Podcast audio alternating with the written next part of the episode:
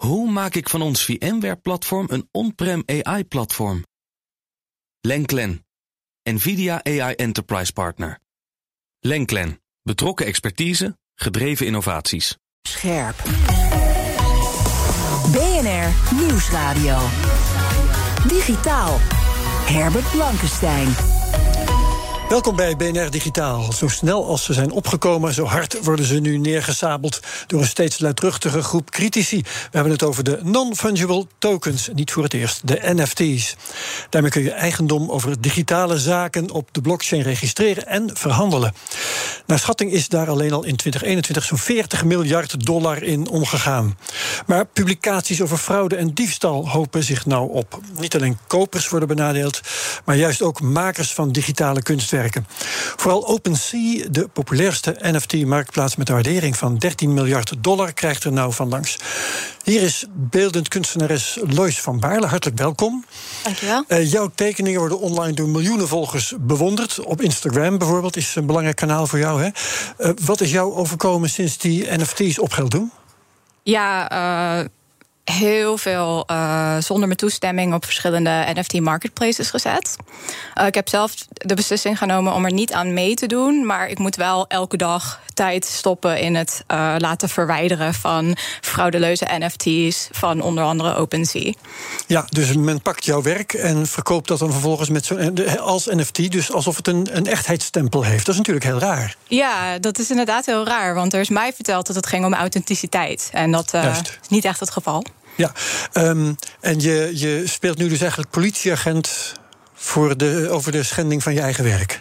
Ja, klopt. Dat is wel altijd zo geweest hoor. Maar dat is nu gewoon uh, ja, nog erger geworden sinds ja. de komst van NFT's. En dan moet je dat aanmelden, in dit geval bij, bij OpenSea dus bijvoorbeeld. Ja, en klopt. ondernemen die dan snel en effectief actie?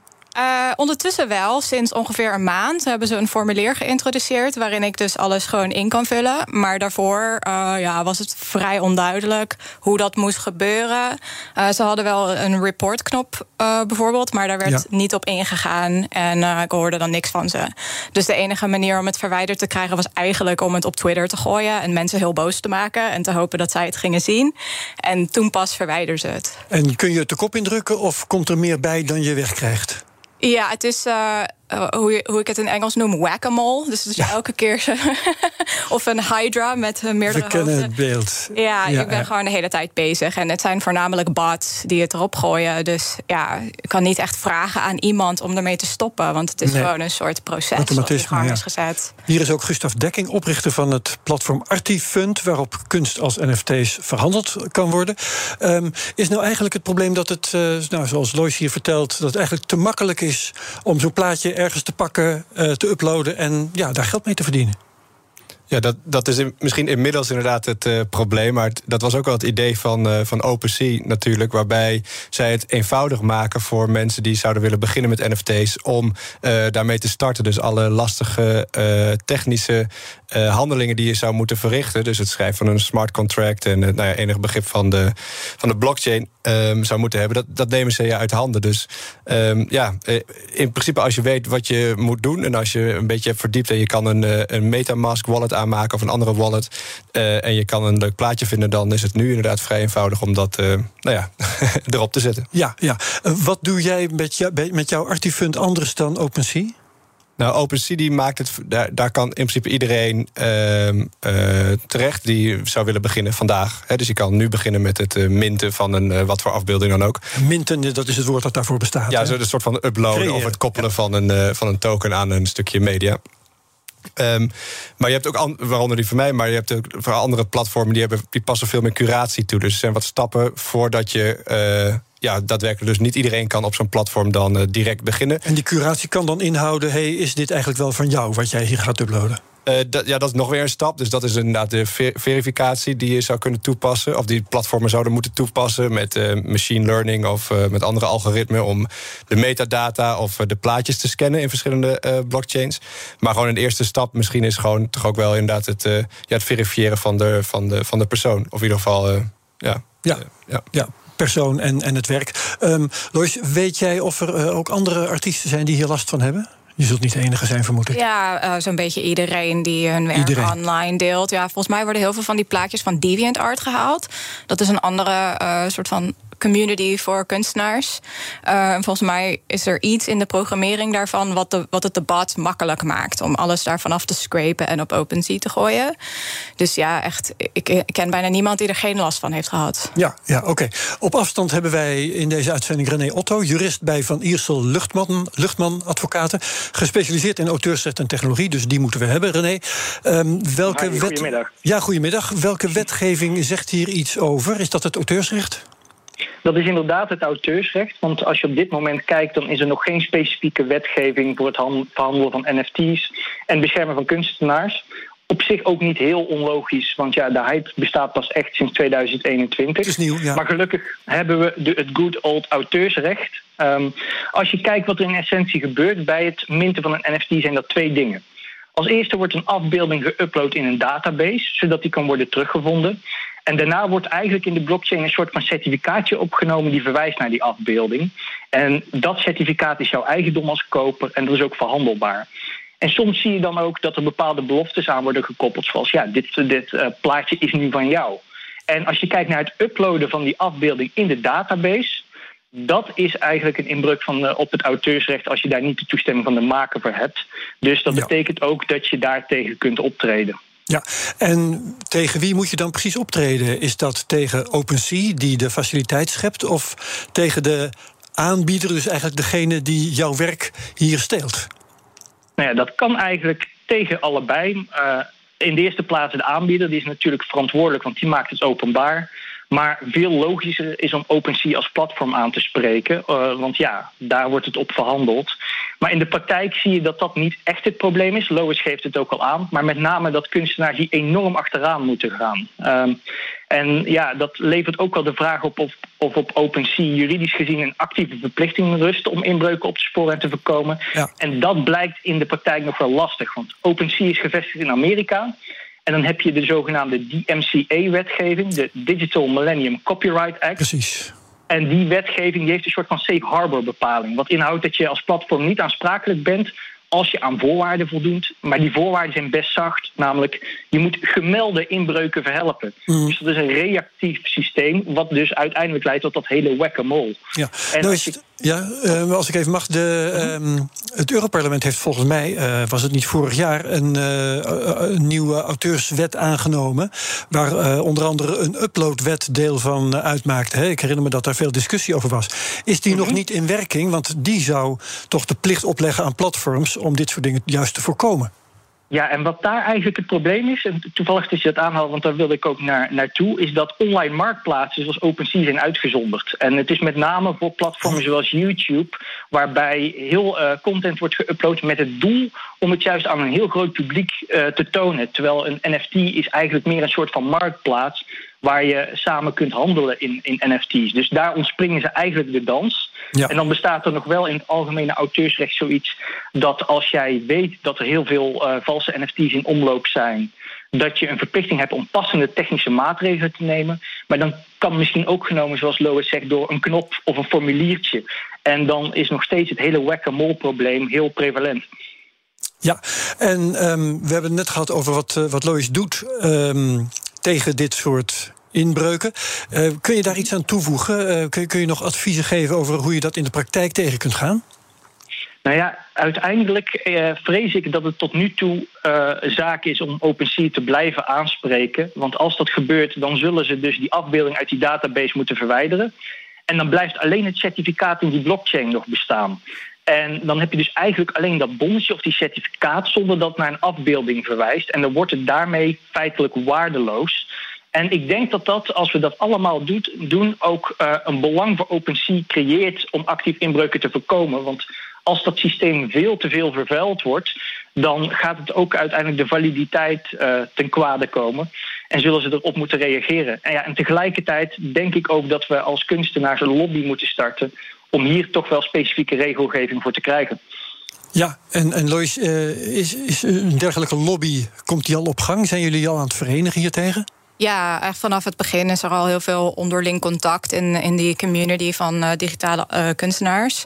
Dus, uh, maar het, het, probleem is wel dat we allemaal best wel versplinterd zijn. Want er is een groep in Amerika, inderdaad. Er zijn heel veel mensen in Europa waar dan weer misschien. Ja, het is, het is de vraag van vanuit welke locatie pakken we het aan. Ik weet dat er veel uh, gesprekken zijn over class action lawsuits in Amerika. Ik weet niet of ik daar wat aan bij kan dragen. Maar ik heb in ieder geval wel heel erg uh, publiekelijk geuit dat ik hier gefrustreerd over ben. En dan hoop ik daaraan mee te doen, aan die momentum. Ja, ja. En Gustav, wat weet jij van uh, acties die broeien onder kunstenaars? Um, nou ja, het is in ieder geval niet iets wat, wat, wat nu pas komt kijken. Hè. Dus wat uh, Louis ook al uh, aangeeft, dit, dit is al een, uh, een probleem sinds, ja, sinds de grote populariteit of de groeiende populariteit van NFT's. Dus ja. Zijn, ja, ik ben zeker bewust van kunstenaars die dit, ja, die dit erg onhandig en vervelend vinden. Ehm, en die ermee bezig zijn. Ja. Herbert Blankenstein. We praten verder over non-fungible tokens, waarmee je eigendom over digitale zaken registreert en verhandelt. De peperdure apenplaatjes bijvoorbeeld, de Board Ape Yacht Club, uh, heeft iedereen wel van gehoord. Uh, die notabene door Paris Hilton weet je nog wel, um, uh, gepromoot werd in de Amerikaanse late night show van Jimmy Fallon. Ze maakt trouwens ook zelf NFT-kunstwerken en ze is daar heel genereus mee, vertelt ze zelf. Um, well, it's an NFT series that I'm doing with Superplastic, and then I made another piece by hand. It took me six months, and it's all, a collage of all of my memories. And I want to give one to everyone in the audience. Everyone gets an NFT. Yes. Everyone gets an NFT too. Goed, allemaal even je mobieltje trekken. Uh, ja, ook serieuze kunstenaars, niet alleen visuele artiesten, maar ook muzikanten bijvoorbeeld, houden zich bezig met NFT's. Uh, soms onvrijwillig, als het gebeurt zonder toestemming. Maar goed, uh, OpenSea, het grootste NFT-verhandelplatform, heeft nu al erkend dat let op, 80% van hun aanbod vals is. En dat komt ook omdat gebruikers mensen met programma's, bots, afbeeldingen massaal kunnen kopiëren, uploaden en dan voor geld aanbieden. Hun oplossing: wie een gratis account heeft, kan nog maar 50 NFT's registreren. Maal 5 geloof ik, want je mocht 5 collecties aanleggen. Maar ja, dat is alweer herroepen. Gustav, dus uh, zoiets helpt toch al niet. Dat niet, nee. Maar ik denk inderdaad waar we het net over hadden en waar Louis het net over had, het platform DeviantArt bijvoorbeeld. Zij hebben een uh, algoritme wat inderdaad um, actief zoekt op en scant op, uh, op uh, plagiaat en op copyright infringement. En ik denk dat als je net een paar honderd miljoen hebt opgehaald, zoals OpenSea al een paar keer heeft gedaan, dat zij ook flink moeten inzetten op dat soort algoritme ja. om ehm, ja, die verificatie en plagiaat tegen te gaan. Dan investeer je daar maar in, exact. zeg je eigenlijk. Ja. ja. Um, Lux Rare uh, ligt als NFT-marktplaats onder vuur wegens wash trading. Dat is dan weer iets nieuws. Uh, dat is het tegelijkertijd kopen en verkopen, soms groepsgewijs. Hè, steeds maar weer doorverkopen om de markt te manipuleren. Steeds voor een iets hogere prijs. Tot je uh, tegen iemand kan zeggen: het is, dit is veel waard, kijk maar. En betaal jij maar de hoofdprijs. Dus dat is weer een hele andere categorie problemen. Ja, nee, mhm. zeker. Kijk, het mooie wat van LuxRare vind ik... is dat het echt een uh, competitor is van, um, um, van, uh, van een OpenSea. En dat zij dus op een andere manier gebruikers en makers uh, incentiviseren... om op het platform gebruik te maken. Maar inderdaad, dat, dat daar nu... Um, ogenschijnlijk of waarschijnlijk ook wash trading plaatsvindt... ja, dat is dan wel weer vervelend. Waar ze dan ook weer mee om moeten te gaan, inderdaad. Ja. ja. Um, René, uh, via de lijnverbinding, uh, ben je nou eigenlijk medeplichtig wanneer je uh, te goede trouw een valse NFT hebt gekocht en die wilt doorverkopen? Wat is dan je juridische situatie? Nou, dat is best eigenlijk een lastige juridische vraag. Want als je kijkt naar het doorverkopen van een NFT, dan lijkt dat geen inbreuk te zijn op auteursrechten. Want uiteindelijk verhandel je niets anders dan een certificaat op een bonnetje in de blockchain. En je bent niet bezig met het openbaar maken of het verveelvoudigen van daadwerkelijk de afbeelding. Wat je wel soms in de praktijk ziet, is dat mensen dat certificaat bemachtigen en zich eigenaar uh, gaan voelen. En dan allerlei gedragingen gaan verrichten, wat wel een inbreuk uh, kan zijn. En wat juridisch nog onduidelijk is, en wat wel heel interessant is, is eigenlijk van ja, is het feit dat jij eigenaarschap claimt, kan dat ook onrechtmatig zijn? Um, en dan is het met name ook ja. van belang wat voor rol dit soort platformen gaan, gaan spelen. Want ja, het enkele feit dat ik roep dat ik de eigenaar van de Mona Lisa ben, ja, uiteindelijk blijft dat schilderij in het museum hangen en iedereen ja. gaat door met het leven. Dus ja, en bovendien claim je, geen, je claimt geen eigenaarschap over auteursrecht. Hè? Dat zit dan net weer niet in zo'n NFT. Uh, nee, exact. Dus ik kan me wel voorstellen dat als je bijvoorbeeld een hele luide claim van ja, ik ben eigenaar van de NFT, als dat bijvoorbeeld de positie van de auteursrechthebbende bemoeilijkt, dat het dan bijvoorbeeld wel tot een aanspraak zou kunnen leiden. Maar anders blijft het niets anders dan een bonnetje. Ja, en wat kun je nou precies in smart contracts vastleggen om dit soort dingen te voorkomen? Zijn daar mogelijkheden om, om uh, nou, dat meer uit te buiten, de programmeermogelijkheden die daarin zitten? Ja, uiteraard. Want ja, een smart contract is feitelijk natuurlijk niets anders dan een soort overeenkomst die automatisch afgesproken verplichtingen uitvoert als aan die voorwaarden wordt voldaan. Dus eigenlijk is het niet heel veel anders dan een regulier contract. En verkopers en kopers kunnen natuurlijk samen wel voorwaarden afspreken bij de verkoop. Het enige punt is dat dat hun onderlinge verhouding zal regelen. En het zal niet de positie van de maker regelen, want die is niet bij dat contract betrokken. Dus een koper kan dan nog steeds geconfronteerd worden met een auteursrechtclaim. Maar dan kan ik me voorstellen dat bijvoorbeeld als zo'n geldige claim er komt en uiteindelijk de afbeelding uit de database wordt verwijderd, er bijvoorbeeld automatisch een bedrag teruggaat naar, uh, naar de koper, omdat hij geen ja. gebruik meer kan maken van de NFT. Ja. Lois, uh, voor een kunstenaar wordt het langzamerhand belangrijk om zich te verdiepen in, uh, in dit soort smart contracts. Hè? Dat is, zowel voor jezelf is het van belang als je ze gaat gebruiken, of het is van belang omdat ze je eigen auteursrecht aantasten. Verdiep jij je daarin?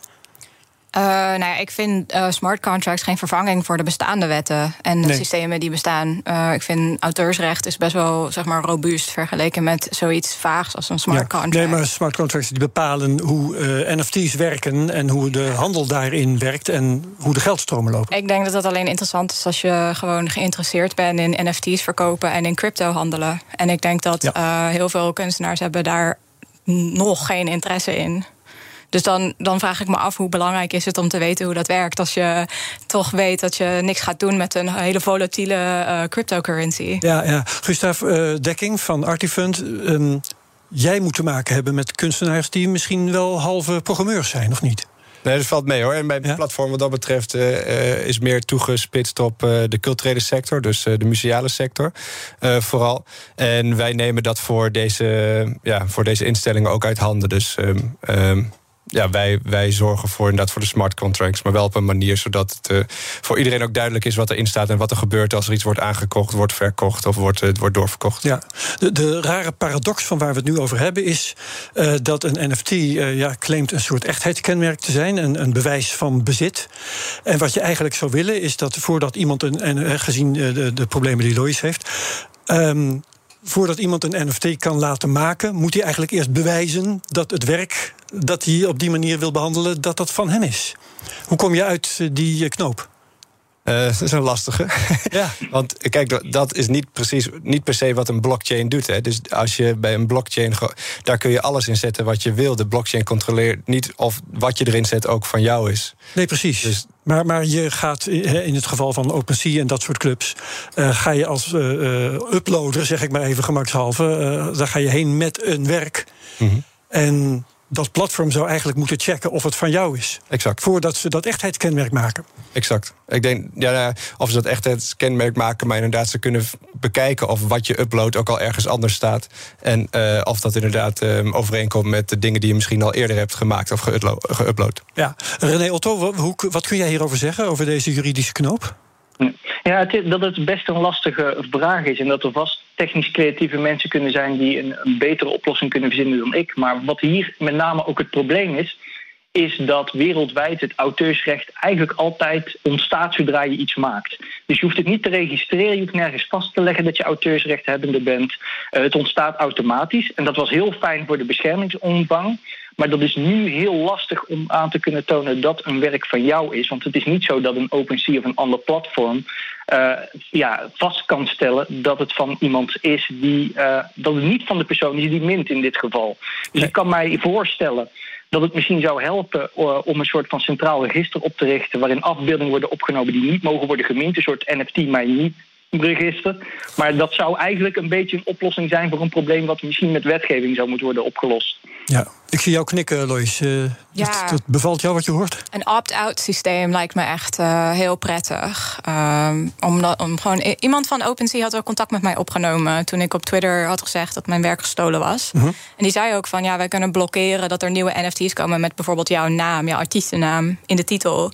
En ik vind van, ja, dat kunnen ze ook wel uitbreiden... om weet je, opt-out systemen te creëren. En dan gaan ongetwijfeld wel problemen komen van zoiets. Omdat, ja, ongetwijfeld gaat dat uh, misbruikt worden door iemand. Maar uh, dan, dan vind ik dat de, de burden om dat op te lossen... moet dan daarbij liggen. In plaats van bij mij om Ja. elke keer aan te geven dat iets gestolen is. Ja, klopt. Ehm, nou, dit is eigenlijk nog maar het topje van de ijsberg. Er is een eh, artikel pas verschenen bij Vice... en dat was ook en bij The Verge... over eh, alle NFT-scams die er zijn rond pump en dump van tokens. Pure oplichting middels een soort van crowdfunding is dat. En ook de technische problemen die eh, leiden tot eh, diefstal van NFT's uit wallets... want dat kan ook nog. Terwijl nou juist die basisbeginselen van de NFT's... registreren, verhandelen van eigendom over digitale zaken... die kunnen op zichzelf best wel nuttig zijn. Dus Lois, zie jij als artiest ehm, nog meerwaarde van NFT's rond, rond jouw kunst of niet?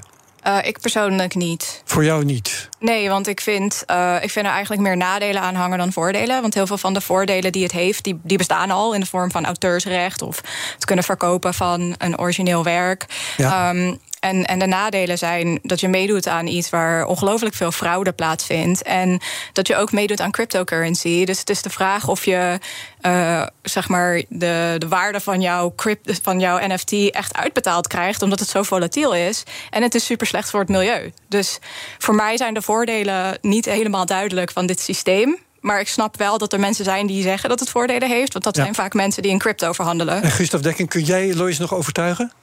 Ehm, nou ja, ik, kijk, ik, wat ik al twee jaar probeer is uh, uh, de verschillende museale instellingen te overtuigen dat ze hier iets mee moeten doen. En dat gaat, uh, ja, dat gaat langzaam, maar wel heel goed. dus ik denk ook zeker dat ik Louis, Louis uiteindelijk wel zou kunnen overtuigen. Ja. Nou goed, dan ga je dat ook na deze uitzending nog even proberen. Tot slot nog even René Otto. wat voor regelgeving staat ons te wachten die hier misschien nog uitkomst biedt? Nou, voor deze uitkomst helaas niet. Maar er komt wel een Europees wetsvoorstel. Dat is de MITA, de Markets in Crypto Assets. In alle eerlijkheid, mijn collega Davy Harkink is daar meer thuis in dan ik. Maar wat ik erover kan vertellen is dat het een wetsvoorstel is... die strengere eisen geeft aan het aanbieden van cryptodiensten in de EU. En dan heb je een soort van vergunning nodig. En als je die eenmaal hebt, dan heb je wel als voordeel dat je vrij eenvoudig in andere EU-landen de cryptodiensten kunt aanbieden. Terwijl je nu in ieder land een aparte registratieprocedure moet doorlopen. Alleen die wetgeving die is vooral voor de bescherming van de consument en de beleggers. Omdat het juist En niet de makers. Exact. Het is een soort financieel instrument, een beleggingsobject. En feitelijk is daarvoor wetgeving gekomen. En ik denk dat dat met name te maken heeft met de lobby van de banken. Die een soort van juridische Calimero van stal hebben gehaald. Door te Oh, zeggen, ja, zij zijn niet gereguleerd en ik wel, dat is niet eerlijk. En ja, de kunstenaars die blijven in de kou staan. Oké, dat is uh, geen mooie conclusie, maar we moeten het hier toch bij laten. Uh, ik ga iedereen danken. Beeldend kunstenares Lois van Baarle, Gustav Dekking van het NFT-kunstplatform Artifund en René Otto, techjurist bij Van Iersel, Luchtman, Advocaten. BNR Digitaal. Terugluisteren via bnr.nl, onze app of waar je ook maar luistert naar podcasts. En dan vind je ook mijn andere podcasts, zoals de Cryptocast, de Technoloog en Space Cowboys. Wat BNR Digitaal betreft, heel graag tot volgende week. Dag. Hoe maak ik van ons VMware-platform een on-prem AI-platform? Lenklen, NVIDIA AI Enterprise Partner. Lenklen, betrokken expertise, gedreven innovaties.